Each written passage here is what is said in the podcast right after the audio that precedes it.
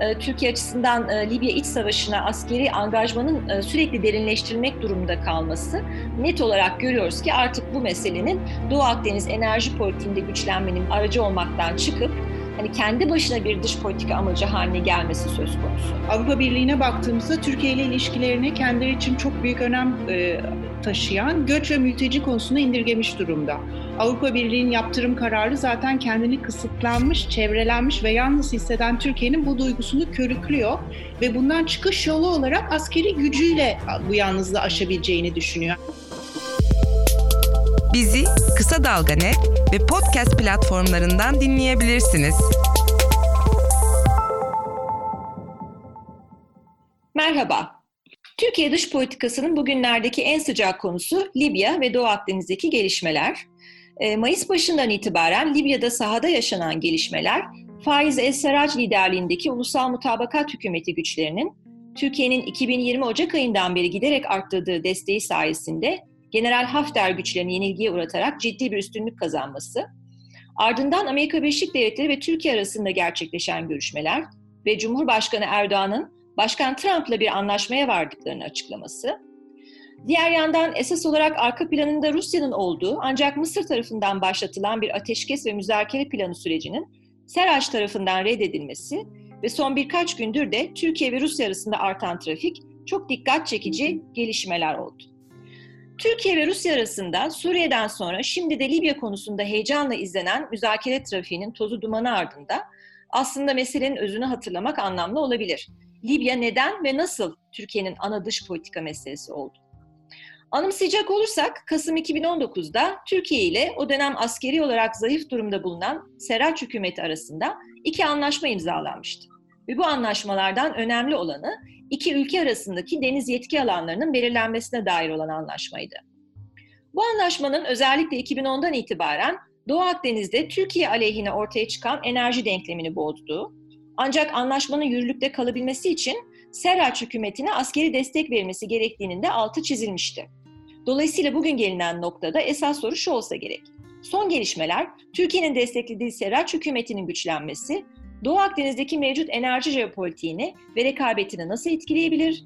Türkiye'nin bu açıdan beklentileri nelerdir ve ne kadarı gerçekleşebilir? Fakat iç ve dış çevrelerdeki tartışmalara baktığımızda enerji meselesinden çok farklı soruların gündemde olduğunu görüyoruz. Örneğin en önemli soru olarak şu ön plana çıkıyor.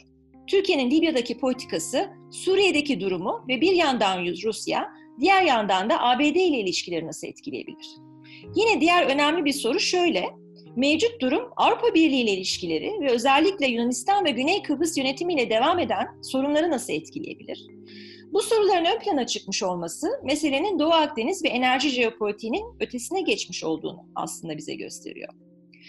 Ee, bugün Karel Valensi ile Türkiye açısından bu zamana kadar iç içe konular olarak tartışılan Libya iç savaşı ve Doğu Akdeniz'deki enerji jeopolitiğindeki son gelişmelerin Türkiye'nin bölgesel ve küresel siyasetteki konumunu nasıl etkilediğini ve Türkiye'nin politikalarının nasıl algılandığını anlamaya ve yorumlamaya çalışacağız.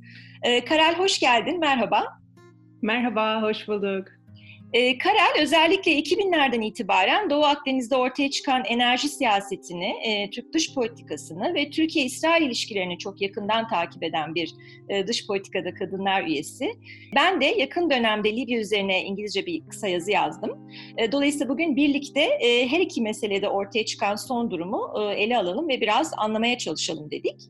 E, şimdi önce şöyle başlayalım. E, önce Libya'da bizi bugüne getiren gelişmeleri aslında hatırlamakta fayda var. Türkiye için 2019 yılı dış politikaya askeri boyutu da olan e, yeni ve sıcak bir sorun alanının eklenmesiyle sona er, ermişti hatırlayacak olursak.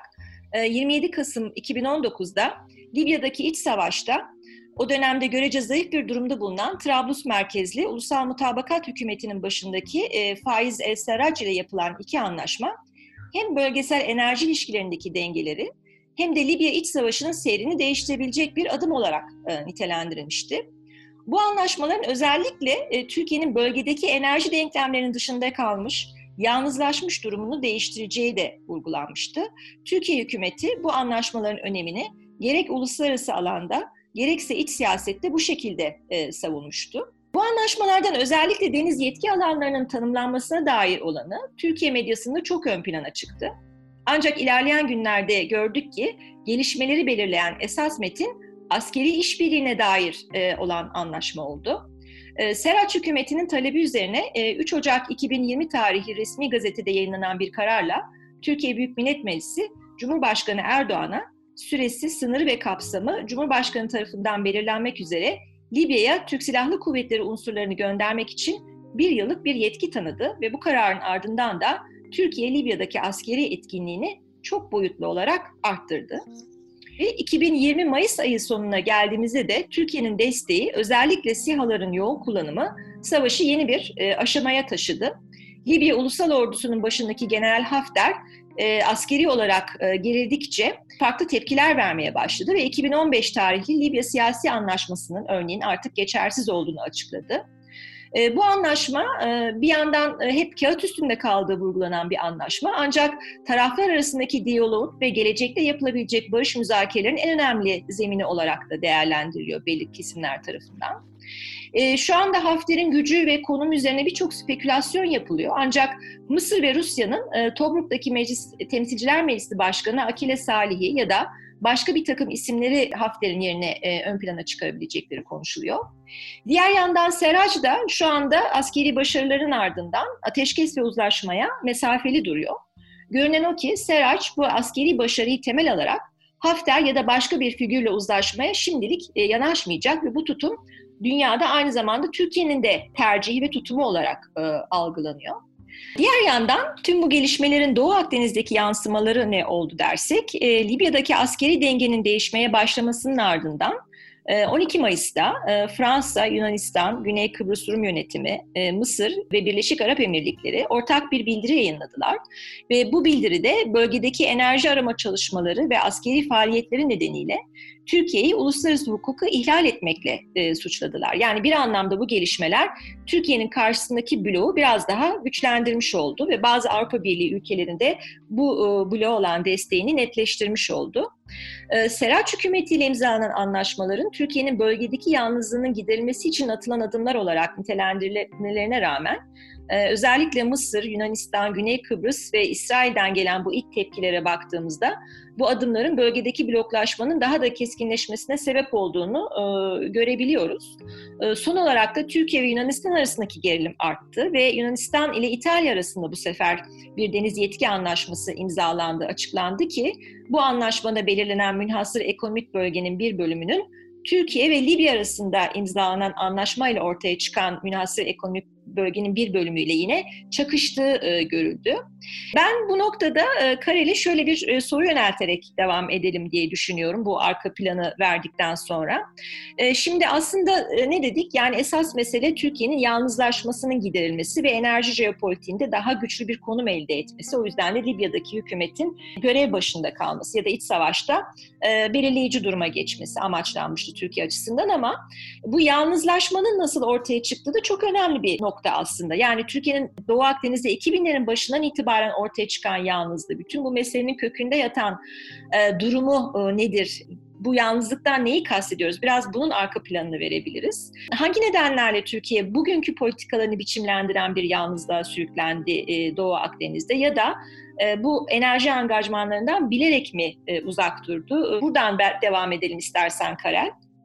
Tabii ben biraz daha geriye gideceğim aslında. Daha önceleri enerji dediğimizde aklımıza sadece petrol gelirdi. Petrol deyince de sadece Orta Doğu gelirdi. Şu an bu değişmiş durumda. 1943 yılında Amerika Devlet Başkanı Roosevelt, İngiltere Büyükelçisi Lord, e, Lord Halifax'a açıkça İran petrolü sizin, Suudi Arabistan petrolü bizim, Irak ve Kuveyt petrolünü ise paylaşacağız dediği zaman hem İngiltere'yi sınırlamış oldu hem de Amerika'nın bölgeye dahili başlamıştı. Bunu hatırlatmamın sebebi Soğuk Savaş'ın bitimiyle tek süper güç haline gelen Amerika'nın değişimini göstermek. Obama dönemine geldiğimizde Orta Doğu'dan çıkmaya çalışması, yönünü Asya'ya çevirmeye çalışması, dünyanın jandarması değilim söylemi aklımıza geliyor. Trump başkanlığında ise gördüğümüz önce Amerika söylemi, bugün karşı karşıya olduğumuz koronavirüse karşı veya birçok başka konuda takip edilecek, örnek alınacak, uluslararası bir işbirliğini gerektiren e, herhangi bir konuda liderlik edecek durumda e, veya istekte olmadığını gösteriyor Amerika'nın.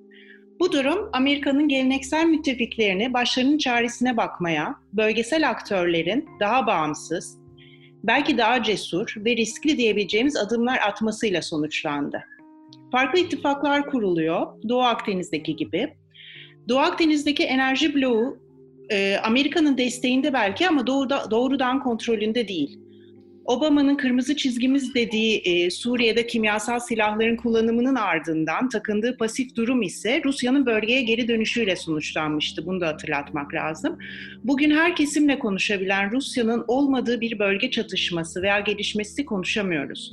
Ayrıca ekonomisi büyük oranda enerjiye dayalı Rusya'nın Doğu Akdeniz'deki gelişmelerle gelişmelerde önemli bir söz sahibi olduğunu da söylememiz lazım. Amerika'daki bu değişim ve Rusya'nın bölgedeki etkisini söyledikten sonra Doğu Akdeniz'deki gelişmelere bakarsak 2009 yılından itibaren Mısır, İsrail ve bir ölçüde Kıbrıs kayda değer doğal gaz yatakları buldular. Birçok uluslararası şirket arama ve çıkarma faaliyetleri için bölgeye akın etti.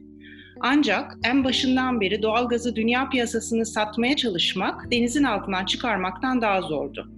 Talep var aslında. Kırım krizinden sonra özellikle Avrupa Rusya'ya olan bağımlılığını azaltmak ve kaynaklarını çeşitlendirmek istiyor. Ancak düşen enerji fiyatlarının yanı sıra maliyetin yüksekliği bu talebi yerine getirmeyi zorlaştırıyor. Tamar ve Leviathan'ın keşfiyle önemli bir enerji oyuncusu haline gelen İsrail açısından bakarsak, bu durum sadece ekonomik bir kazanç ya da enerji bağımsızlığı anlamına gelmiyor.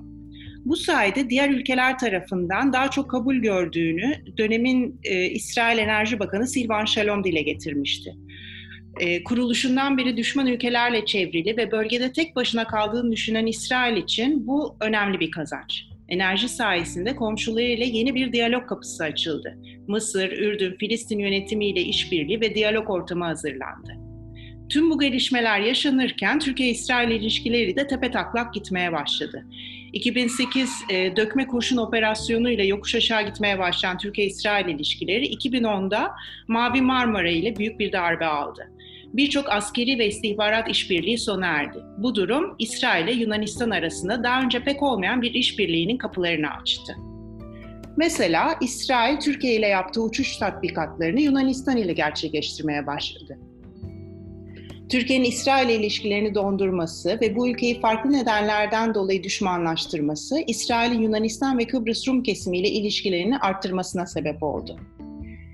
Türkiye ile İsrail arasında bir normalleşme ancak Mavi Marmara'dan 6 yıl sonra 2016 yılında geldi. İmzalar atıldıktan sonra büyükelçiler görevlerine geri döndüler. Bunun ana sebebi de Doğu Akdeniz'deki enerjiydi. Bunu anlaşmanın hemen ardından iki ülke arasında enerji konusundaki üst düzey görüşmelerde de gördük.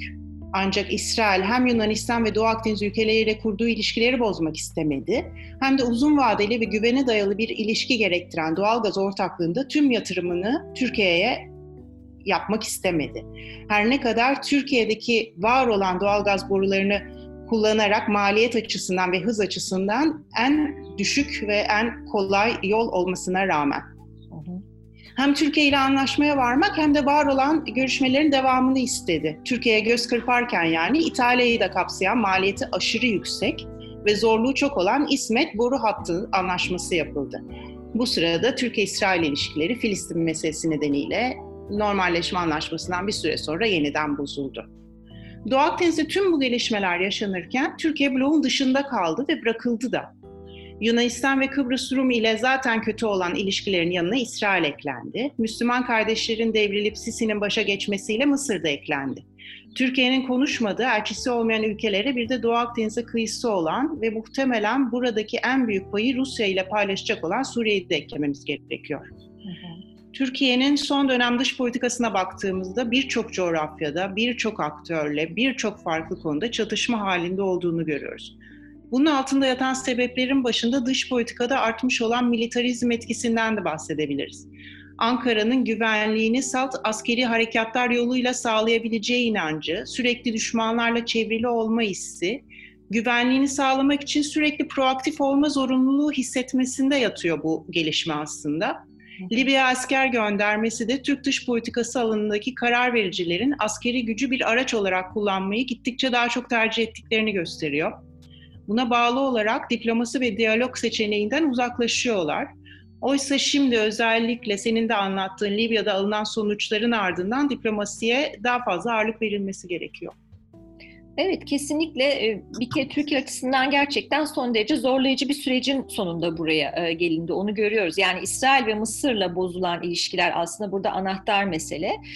Fakat bu bozulan ilişkilerin özellikle bu enerji çıkarları doğrultusunda düzeltilmesi için hani uzun vadeye ya da orta vadeye yayılan diplomatik süreçlerin hızla başlatılması ve adım adım bazı süreçlerin inşa edilmesi de bir hani seçenek ve e, e, Türkiye'nin önünde bir yolken e, Libya üzerinden dediğim dediğin gibi askeri profilin yükseltilerek bölgede daha belirleyici bir aktör olma konumuna geçmeye çalışmak e, tercih edildi son dönemlerde ve bu e, aşamaya geldik. Şimdi 12 Mayıs'taki bir bildiriden bahsettik. Yani Türkiye yalnızlaştığı bir ortamda bunu aşmak için bazı e, e, politikalar ortaya koydu. Özellikle Libya iç savaşının çok daha derinlemesine e, angaja oldu. E, fakat bu ortak bildiri bize hani sadece e, Doğu Akdeniz Gaz e, Forumu değil, e, Avrupa Birliği ülkelerinin bazı Avrupa ülkelerinin kendi başlarına tabii ki Avrupa Birliği ile ilişkili olarak değil de, e, de destek vererek bu e, blok ülkelerine e, biraz daha aslında Türkiye aleyhine bir durumun da ortaya e, çıktığını bize gösteriyor. Fakat İsrail bu bildiriye katılmadı. Bu da önemli bir e, gelişme. Bunu nasıl değerlendirebiliriz sence? İsrail'in bu bildiriye katılmaması bu bloğun çatladığı ya da çatlamakta olduğu anlamına gelir mi? Yani Türkiye ile İsrail arasında önümüzdeki dönemde mutlaka bir işbirliği ya da yeni bir diplomatik görüşme sürecinin başlayacağı düşünülüyor. Peki bunun olanakları ve sınırlıkları neler? Yani her iki ülkenin iç siyaseti, işte bölgesel öncelikleri, özellikle İsrail'in senin vurguladığın şu ana kadar kurduğu farklı işbirlikleri ve diyalog e, ortamlarını bozmak istememesi. E, yine Mısır'ın benzer bir şekilde hani e, son aşamada bir inisiyatif geliştirmeye çalışması Libya İç Savaşı'nda ve Türkiye'ye çok da uzak durmaması, bir yakınlaşmanın olabileceği bunlar hep dile getiriliyor. Sence hem İsrail hem Mısır'la önümüzdeki dönemlerde ne tür olasılıklar söz konusu? Konusu olabilir? Şimdi bu bildiriye imza atmaması İsrail'in önemli tabii ama bu e, hani tamamen böyle bir sonuca varmayalım. Bu bloğun çatladığı ya da yok olduğu ya da yok olmak üzere olduğunu düşündürmemesi lazım. Son dönemlerde Türkiye ile İsrail arasında ilişkilerin düzeleneceğine dair birçok haber ve görüş ortaya kondu. Daha çok Türkiye tarafından. İşte İsrail Hava Yolları El Al'ın kargo uçağı 2007'den sonra ilk kez İstanbul'a indi. Twitter'da bazı olumlu açıklamalar yapıldı. Ee, Türkiye'de genel olarak Gantz'ın seçilmesi durumunda İsrail'e yeni bir sayfanın açılabileceği beklentisi vardı. Tabii Ankara tıpkı İsrail'in çoğunluğu gibi ve İsrail'in e, siyasetini takip eden birçok analist gibi Gantz'ın Netanyahu ile ortak olabileceğini öngöremedi. Hani bir koalisyon kuracaklarını öngöremedi. İsrail'in bu bildiriye imza atmaması elbette önemli dedim ama tek başına bir şey göstermez. Tek başına artık yani şöyle İsrail her zaman ta, zaten Türkiye ile ilişkilerini devam ettirmek isteyen taraftı. Ama söylediği şey artık Türkiye'nin bir şeyler göstermesi lazım. Bir bir hareket, bir adım atması lazım. Söylediği genel olarak bu. E, zaten Netanyahu yerine Gantz da gelseydi çok fazla bir şey değişmeyecekti ilişkilerde. Çünkü e, verilen zarar ortada. Türkiye'nin yapması gereken Mısır konusunda da İsrail konusunda konusunda da her kesimle konuşacağı bir dış, dış politikaya geçmesi lazım. Hı hı. Bu ilişkileri aynı ancak bu şekilde düzeltebilir ve Doğu Akdeniz ülkeleri Türkiye'nin de dahil olacağı ortak bir çözüm yolunda ilerleyebilir. Ancak bu şekilde. Yani e, Türkiye kendi derdini, kendi düşüncesini, politikasını diğerlerine anlatabiliyor olması lazım ve onlardan kabul görüyor olması lazım. Şu an bu durumda değil. Bizi Kısa Dalga Net ve podcast platformlarından dinleyebilirsiniz. Şimdi diğer yandan da tabii bu anlaşmalar arkasından gelen daha yoğun askeri angajman süreci Türkiye'nin Avrupa Birliği ile ilişkilerini de e, biraz etkiledi açıkçası ve e, Avrupa Birliği ile ilişkilerdeki sorun alanlarına bir yenisi eklenerek e, taraflar arasındaki uzaklaşma aslında biraz daha derinleşmiş oldu. Dolayısıyla yine bu çerçevede de Türkiye'nin e, şu anki politikasının bölgedeki yalnızlaşma durumunun aşılmasına mı yoksa daha da derinleşmesine mi hizmet edeceği e, bu açıdan da bir soru işareti. Yani Türkiye-Avrupa Birliği ilişkileri açısından da bir soru işareti, belirsizliğini koruyan bir soru. E, şimdi hatırlayacak olursak şöyle bir argümanı var aslında Türkiye'nin ve Türkiye'nin dış politikasını bu açıdan e, irdeleyenlerin. Deniyor ki e, işte Doğu Akdeniz e, Gaz Forumu Ocak 2019'da e, kuruldu. Bu Türkiye'nin bu bölgedeki müttefik arayışını çok e, arttıran bir e, gelişme oldu ama esas olarak Temmuz 2019'da Avrupa Birliği'nin Türkiye'nin Doğu Akdeniz'deki gaz ve petrol arama faaliyetlerini e, Güney Kıbrıs'ın egemenlik haklarını ihlal ettiğini iddia ederek e, Türkiye'ye karşı bir yaptırım kararı alması Türkiye'yi daha da yalnızlaştırdı. Yani önce Doğu Akdeniz Gaz Forumu'nun kurulması, sonra Türkiye'ye Avrupa Birliği'nin yaptırım kararı, hani Türkiye'nin bölgede işbirliği yapabileceği tek aktör olarak e, Libya'daki Birleşmiş Milletler destekli hükümeti karşısında bırakıyordu. Tabii bu hükümetin e, bölgedeki İslamcı gruplarla yakın hükümet olması da Türkiye açısından e, önemli bir faktör olarak anladığımız kadarıyla görüldü. E, dolayısıyla aslında hani Türkiye'nin bu yalnızlık hissini e, artması ve müttefik arayışının yoğunlaşmasında Avrupa Birliği'nde bir payı var. E, yalnız burada sorun şu ki e, Türkiye'nin bölgedeki askeri etkisini sürekli arttırarak e, bu yalnızlaşmayı aşmaya çalışması. Yani bir yandan savaşı uzatma e, riskini e, taşıyor. Dolayısıyla paradoksal bir biçimde aslında aşılmaya çalışılan belirsizliği yani biraz daha sanki öteliyor gibi. E, dolayısıyla bu açıdan her ne kadar işte ateşkes vesaire konuşuluyor bugünlerde ama hani bu bölgedeki aktörlerin istikrarsızlığına baktığımızda hani hem Hafter'in hem Serac'ın işte ateşkesten kaçınmaları, e, güvenilir olmamaları, işte bir takım e, uluslararası e, toplantılar e, düzenlenirken onların ortadan kaybolması ya da işte son dakikada imza atmaktan vazgeçmeleri gibi. E, dolayısıyla baktığımızda hani bugünkü gelinen nokta nereye gidecek onu çok öngöremiyoruz ama şu saptamayı hani yapmamız mümkün görünüyor. Şimdi bugüne kadar Türkiye'nin e, dış politikasında Libya sorunu hep Doğu Akdeniz'deki enerji rekabetiyle iç içe bir sorun olarak değerlendirdi. Türkiye de bunu hem iç kamuoyunda hem uluslararası platformda böyle savundu. Tabii ki Libya'nın tarihsel bir önemi var Türkiye için ama şu anki politikalarını belirleyen esas meselenin hep Doğu Akdeniz'deki bu kendi aleyhine ortaya çıkan enerji denklemini e, kendi lehine çevirmeye çabası olarak e, vurgulandı. Fakat geldiğimiz noktada görüyoruz ki Libya'daki askeri mücadele e, yani hele uluslararası kamuoyu tarafından şöyle algılanmaya başlandı. Türkiye bölge siyasetinde belirleyici olmak, hatta askeri varlığını kalıcılaştırmak istiyor. Böyle bir dinamik olarak aslında Türkiye'nin varlığı artık değerlendirilmeye başlandı e, dünya kamuoyu tarafından. Sen buna katılır mısın? Yani senin takip ettiğin uluslararası basın e, e, aktörlerin ya da medya e, kuruluşlarının yorumlarına baktığında, yazarların yorumuna baktığında Türkiye'nin Libya'da artan askeri belirleyiciliğinin e, nasıl değerlendirdiğini e, görebiliyoruz. Yani örneğin enerji çıkarlarının gerçekleştirilmesinde bir araç olduğunu e, Türkiye anlatabildi mi dünyaya? Çünkü e, mesela dış basında ben şunu çok gördüm. Hani mesele enerji mi gerçekten diye sorular var.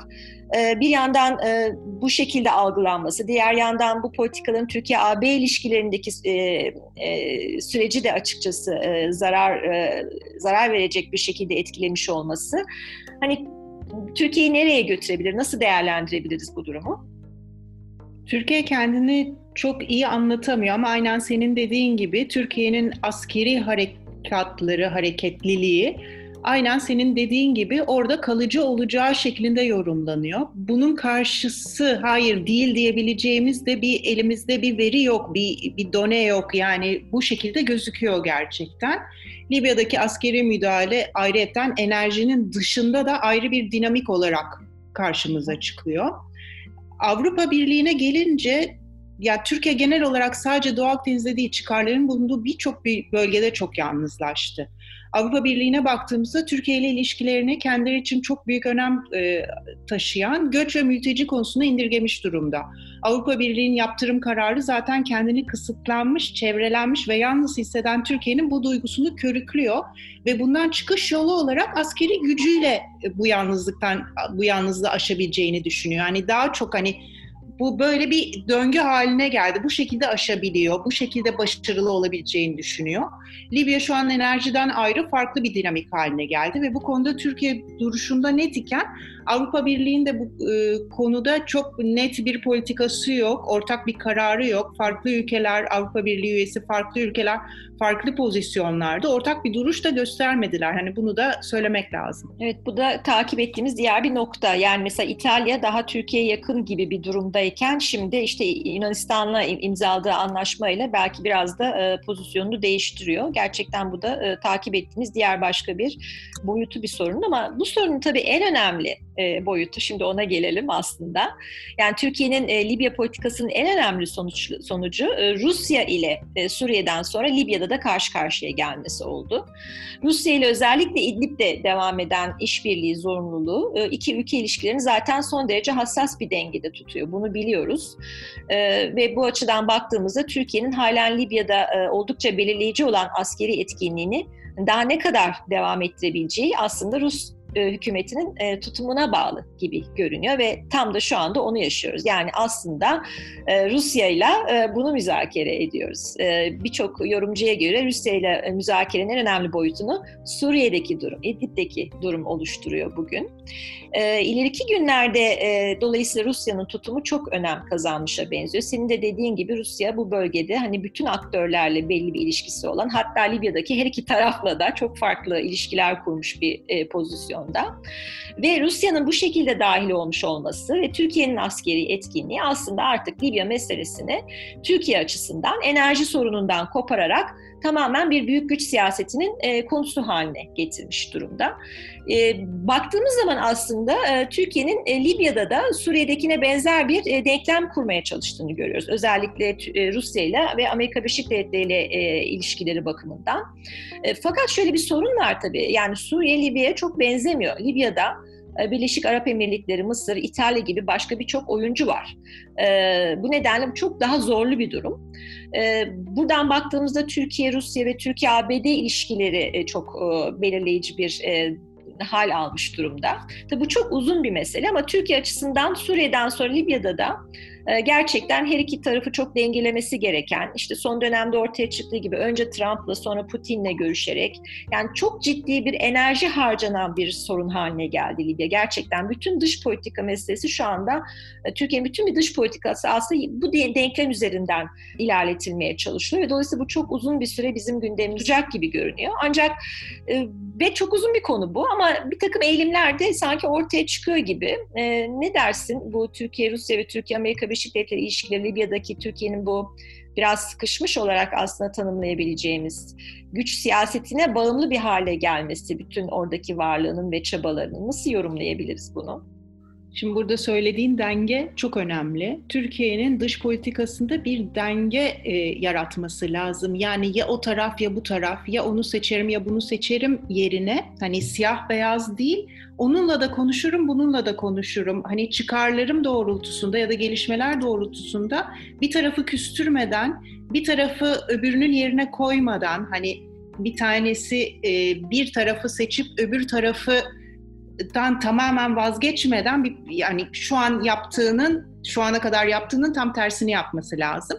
Doğu Akdeniz'den hatta Orta Doğu'dan bahsettiğimizde artık Amerika'dan çok Rusya'yı konuşuyoruz. Hele konu enerji olunca. Rusya'nın attığı her adım, alacağı her karar hem bu bölgeyi hem de bu bahsettiğimiz ilişkileri etkiliyor. Rusya ile Türkiye arasında eşit olmayan bir ilişki kuruldu.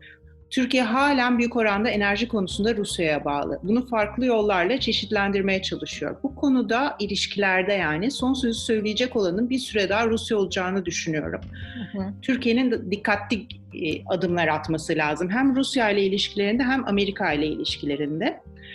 Ee, Amerika'nın en azından Trump'ın de, e, Türkiye'ye değer verdiğini ve kaybetmek istemediğini görüyoruz ama Türkiye'nin görüşünü savunan Washington'da Ankara'nın görüşlerini anlatabileceği ve destek bulacağı pek fazla dostu kalmadı. Yani bir tek Trump çıkıyor karşımıza. E, Amerika'da da yani ilişkileri tek bir e, kişiye bağlaması Türkiye'nin bu açıdan yanlıştı, eksikti. Kasım'daki başkanlık seçimleri bu nedenle Türkiye için de çok önemli. Hani Amerika olarak düşündüğümüzde tabii bu konu daha böyle devam edebilir. Ben genel bir özet yapmak istedim. Evet, evet kesinlikle. Ee, Biden'ın seçilmesinin ardından bütün bu dış politika e, öncelikleri e, Türkiye her şey değişebilir. Her şey değişebilir. Gerçekten çok farklı bir e, bağlam ortaya çıkacak diye e, ben de düşünüyorum. E, fakat de bu Türkiye'nin bu askeri profilinin çok yükselmiş olması e, bölgede e, hani Rusya ile ilişkileri de çok hassaslaştırdı dedik bir yandan. E, diğer yandan tabii İsrail de bu açıdan önemli bir e, aktör. Yani Türkiye'nin e, bu bölgedeki askeri profilinin yükselmesiyle ilgili e, Rusya'dan sonra hani kim e, Türkiye açısından önemli bir ülke desek diye o da İsrail'dir. E, sence bu e, Türkiye'nin bölgede askeri olarak bu şekilde güçlenmiş olması yani aslında işbirliğine doğru gitmesi gereken bir ülke olarak İsrail ile ilişkilerinde bir e, gerilim konusu olabilir mi? Yani İsrail bu konuda e, biraz tedirgin olabilir mi? E, bunu nasıl yorumlayabiliriz? Şimdi Türkiye ile İsrail arasındaki ilişkilerin temeli yani 90'larda altın dönem diyoruz Türkiye-İsrail ilişkilerine. Bahsedilmesinin temelinde hep askeri ilişkiler yatıyor ortak çıkarlar var. Dolayısıyla işbirliği için uygun iki ülke. Fakat e, siyasilerin kararları, farklı hesaplar bunu engelliyor. Şu anda da mesela Mavi Marmara'dan sonra bazı şeyler vardı, şartlar vardı. O şartlar yerine getirildi ve normalleşme anlaşması yapıldı. Daha sonra tekrar ilişkiler 2018'de bozulduğunda bunun ne şekilde yani böyle bir şartlar yok artık, böyle bir kurallar yok. Ne şekilde tekrar düzeleceğini artık bir tek siyasilere kalmış durumda. Tıpkı İsrail gibi Türkiye'de askeri konularda farklı başarıları ve bu konudaki üstünlükleriyle ön plana çıkıyor. Bu nedenle Türkiye'nin askeri yönde attığı adımların İsrail için çok şaşırtıcı olduğunu düşünmüyorum açıkçası. Yalnız şöyle bir fark var. İsrail ordusunun, ordusunun geçtiğimiz yıl sonunda açıkladığı bir rapor var ve bu raporda ilk defa Türkiye zorluk yani challenge listesine eklendi. Hı. Bu rapora göre e, İsrail Türkiye ile doğrudan bir savaş çıkmasını beklemiyor İsrail ile Türkiye arasında ancak yakın takip edilmesi gereken ülke ve lider olarak tanımlıyor. Yani Türkiye'ye dikkat edilmesi gereken ülkeler arasında gösteriyor, gösteriliyor. Bunu da düşününce sebebi Türkiye'nin dış politika yönünün sorgulanması. Yani son döneme baktığımızda Amerika ile ilişkileri, Rusya ile ilişkileri, NATO ile, Avrupa Birliği ile ilişkileri karmaşık ve istikrarsız bir gelgit durumu var devamlı. Orta Doğu'ya yönelik artan ilgisi de tabii İsrail'in ilgisini çekiyor ve militarist tutum da bu konuda etkili yakından takip ediyor İsrail Türkiye'deki gelişmeleri. Evet, evet. Yani birçok açıdan ele almaya çalıştık bu konuları. Tabii süreyi de sınırlı tutmayı, kendimizi dinlenebilir e, tutmayı da tercih ettiğimiz için istersen biraz toparlayalım. E, yani benim özellikle altını çizmek istediğim e, mesele şu ki, e, Türkiye aslında bütün bu tabloya hani son tahlilde baktığınızda e, Türkiye açısından Libya iç savaşına askeri angajmanın sürekli derinleştirilmek durumunda kalması net olarak görüyoruz ki artık bu meselenin Doğu Akdeniz enerji politiğinde güçlenmenin bir araç aracı olmaktan çıkıp hani kendi başına bir dış politika amacı haline gelmesi söz konusu. Yani artık hani gördüğümüz tablo e, bu. E, bu aslında tabii Türkiye'nin yıllar içinde gelişen işte özellikle Arap ayaklanmalarından sonra da uygulama alanı bulan bulan e, dış politika yönelimine tamamen yansıtıyor aslında. Yani Türkiye'nin mevcut hükümeti Hani eski Osmanlı coğrafyasındaki her türlü gelişmede, e, sınırların belirlenmesinde, ekonomik ve siyasal düzenlerin oluşturulmasında, işte bölge içi sorunların çözümlenmesinde e, etkin e, bir aktör olmanın Türkiye'nin tarihsel hakkı olduğu vurgusunu yapıyor. Hani Türkiye'nin o dediğin gibi karmaşıklaşmış ya da Batı ve İsrail açısından hani belirsizleşmiş dış politika yönelimi dediğimizde aslında bu çok belli bir şey. Yani hani bu çok altı çizilen bir husus. E, bu yönelim aynı zamanda e, bu bölgedeki her meselede e, Türkiye tarafından Batı nezdindeki öneminin e, tekrar altının çizilmesi için kullanılan da bir yönelim. Yani bu aslında çok enteresan bir durum. Yani Türkiye aslında bu yönelimi Batı'ya karşı ve Batı dışında bir şey olarak geliştirmiyor. Tam tersi bütün bölgesel meselelerde çok keskin ve iddialı bir pozisyon alarak aslında Batı'ya ne kadar kendisini vazgeçilmez olduğunu e, da ispatlamaya çalışıyor gibi. Ben şahsen biraz öyle görüyorum. Yani sanki Soğuk Savaş döneminde sahip olduğu o e, vazgeçilmezliği biraz e, biraz senin daha önce altını çizdiğin hani yeni koşullarda daha özerk davranabilen aktörler var bölgede demiştik. Özerk davranarak o vazgeçilmezliğini e, yeniden sanki e, kurmaya, o konumunu tekrar restore etmeye çalışıyor gibi Türkiye. Dolayısıyla Batı'dan çok keskin bir kopuş var mı sorusu hala önümüzdeki en önemli soru ve hani birçok kişi, e, birçok e, dış politika analisti bu konuda e, çok net bir yanıt açıkçası vermek mümkün değil. Hatta böyle bir şey yok diyorlar. Bölgedeki duruma baktığımızda aslında Batı da hani Türkiye'nin durumundan çok da şikayetçi değil gibi geliyor bana. Çünkü hem Amerika Birleşik Devletleri hem de Avrupa Birliği ülkeleri tamam Türkiye'yi eleştiriyorlar. Ama son tarihte e, senin o bahsettiğin Rusya'nın bölgedeki çok artmış etkisinin ancak Türkiye tarafından sınırlanabileceğini düşündükleri için çok da büyük bir tepki vermiyorlar yani Türkiye'ye karşı. Hatta Türkiye'nin oradaki mevcut e, pozisyonunun hani şu anda izleyicisi durumundalar. E, Rusya'ya bakıyoruz. Rusya da aslında Türkiye'yi Suriye dışında bir yerde meşgul tutmaktan memnun ve şimdi hakikaten Suriye'deki müzakerelere yeni bir unsur eklendi. Yani Libya üzerinden de Türkiye üzerine farklı e, baskılar yapabilmesi söz konusu olacak Rusya'nın. E, dolayısıyla Türkiye'nin bu bölgede kalıcı olması e, elbette başka bir şey ve e, bütün bu e, tabloda da hakikaten Türkiye açısından biraz sorun yaratabilecek bir durum olarak karşımıza çıkıyor. Çünkü pratik anlamda hem savaşın uzaması riskini beraberinde getiriyor hem de bütün bu büyük güç siyaseti içerisinde biraz sıkışmış ve askeri dediğim gibi profilini sürekli yükseltmek zorunda e, olarak ancak konumunu koruyabilecek bir e, duruma doğru aslında Türkiye'yi sürüklüyor.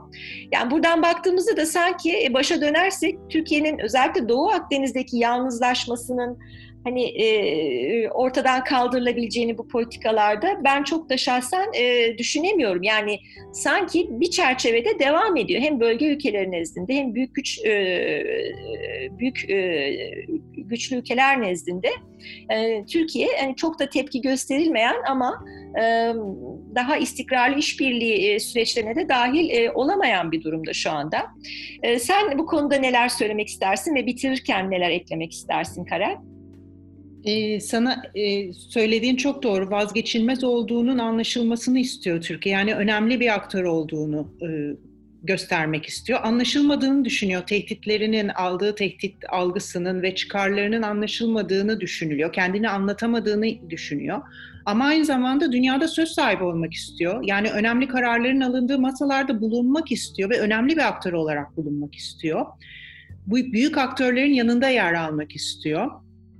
Ee, daha önce ara bulucu olarak girerdi. Daha önce hep ara bulucuydu. İşte e, İsrail ile Suriye arasındaki ara buluculuğunu çok net hatırlıyorum. Zaten ondan sonra işler e, sarpa sarmıştı. Hı hı. Şimdi büyük riskler alarak bu çatışmaların içine giriyor, taraf olarak giriyor. Yani hem taraf tutuyor hem bir taraf olarak giriyor. Diyalog ve uzlaşıdan e, uzaklaşarak çatışmadan beslenen bir dış politikaya kaydı Türkiye e, Suriye, Libya, Doğu Akdeniz bu durumun göstergeleri aslında. Türkiye'nin daha pragmatik davranıp çıkarları doğrultusunda taraf seçmek yerine her kesimle konuşabileceği bir dış politikaya geçmesi lazım bana göre.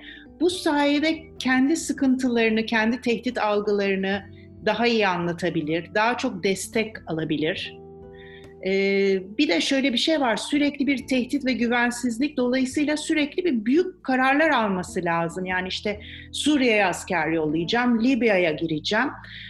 Bu zorunluluğu hissetmek yerine diplomasiye şans tanıması lazım ve e, açıkçası yapmak istediklerini yapabilmek için dost sayısını arttırması lazım. Kendisini dinleyecek ve destekleyecek dost sayısını arttırması lazım, düşman değil. Evet. Tabii belki burada biraz diplomasi kurumunun aslında anlamının altını çizmemiz gerekiyor uluslararası Hı. ilişkilerciler olarak. Hani diplomasi böyle işte askeri süreçlerin arkasından masaya oturmaktan ibaret bir şey değil. E, diplomasi aslında orta ve uzun vadeli çıkarları ortaklaştırabilmek için e, istikrarlı, güvene dayalı adımları atabilmek ve bu e, adımları da belli bir küresel vizyon içerisinde e, atabilmek demek. Dolayısıyla gerçekten emer, e, emek enerji isteyen, akıl isteyen, projeksiyon isteyen, e, uzmanlık da gerektiren bir alan. E, dolayısıyla diplomasinin gerçekten bu anlamıyla biraz geri planda olduğunu görüyoruz. Yani işte şimdi mesela ana akım medyada her zaman altı çizilen e, konu bu. İşte askeri süreç bitti, şimdi masaya oturuyoruz. E, elbette tabii ki e, askeri bir takım e, başarılar e, diplomasi süreçlerinde ülkelerin e, son derece güçlü olmasını sağlar ama dediğimiz gibi eğer siz bunu çok daha genel ve ortaklaşa çıkarlarınızı çoğullaştıracak bir şekilde e, temel e, alırsanız zaten o askeri güce çok ihtiyaç duymadan e, bu işbirliklerini e, geliştirebilirsiniz. E, burada gerçekten e, böyle de bir e, kavramsal e, meseleyi e, açıklığa kavuşturmuş olalım e, dedim. E, çok teşekkür ederim Karel. E, umuyorum birlikte bir e, farklı sorular, yaklaşımlar ve geleceğe dair bir takım eğilim e, saptamaları yapabildik diye düşünüyorum. Sanıyorum e, sonbahara doğru bu konuda tekrar tekrar görüşürüz. Ee, tekrar bir podcast yaparız gibi geliyor. Özellikle önümüzdeki günlerin çok sıcak gelişmelere açık olduğunu da e, görüyoruz. Tekrar teşekkür ederim. Teşekkür ederim. Görüşmek üzere diyelim. Haber podcastle buluştu. Kısa Dalga yayında. Bizi Kısa Dalga Net ve podcast platformlarından dinleyebilirsiniz.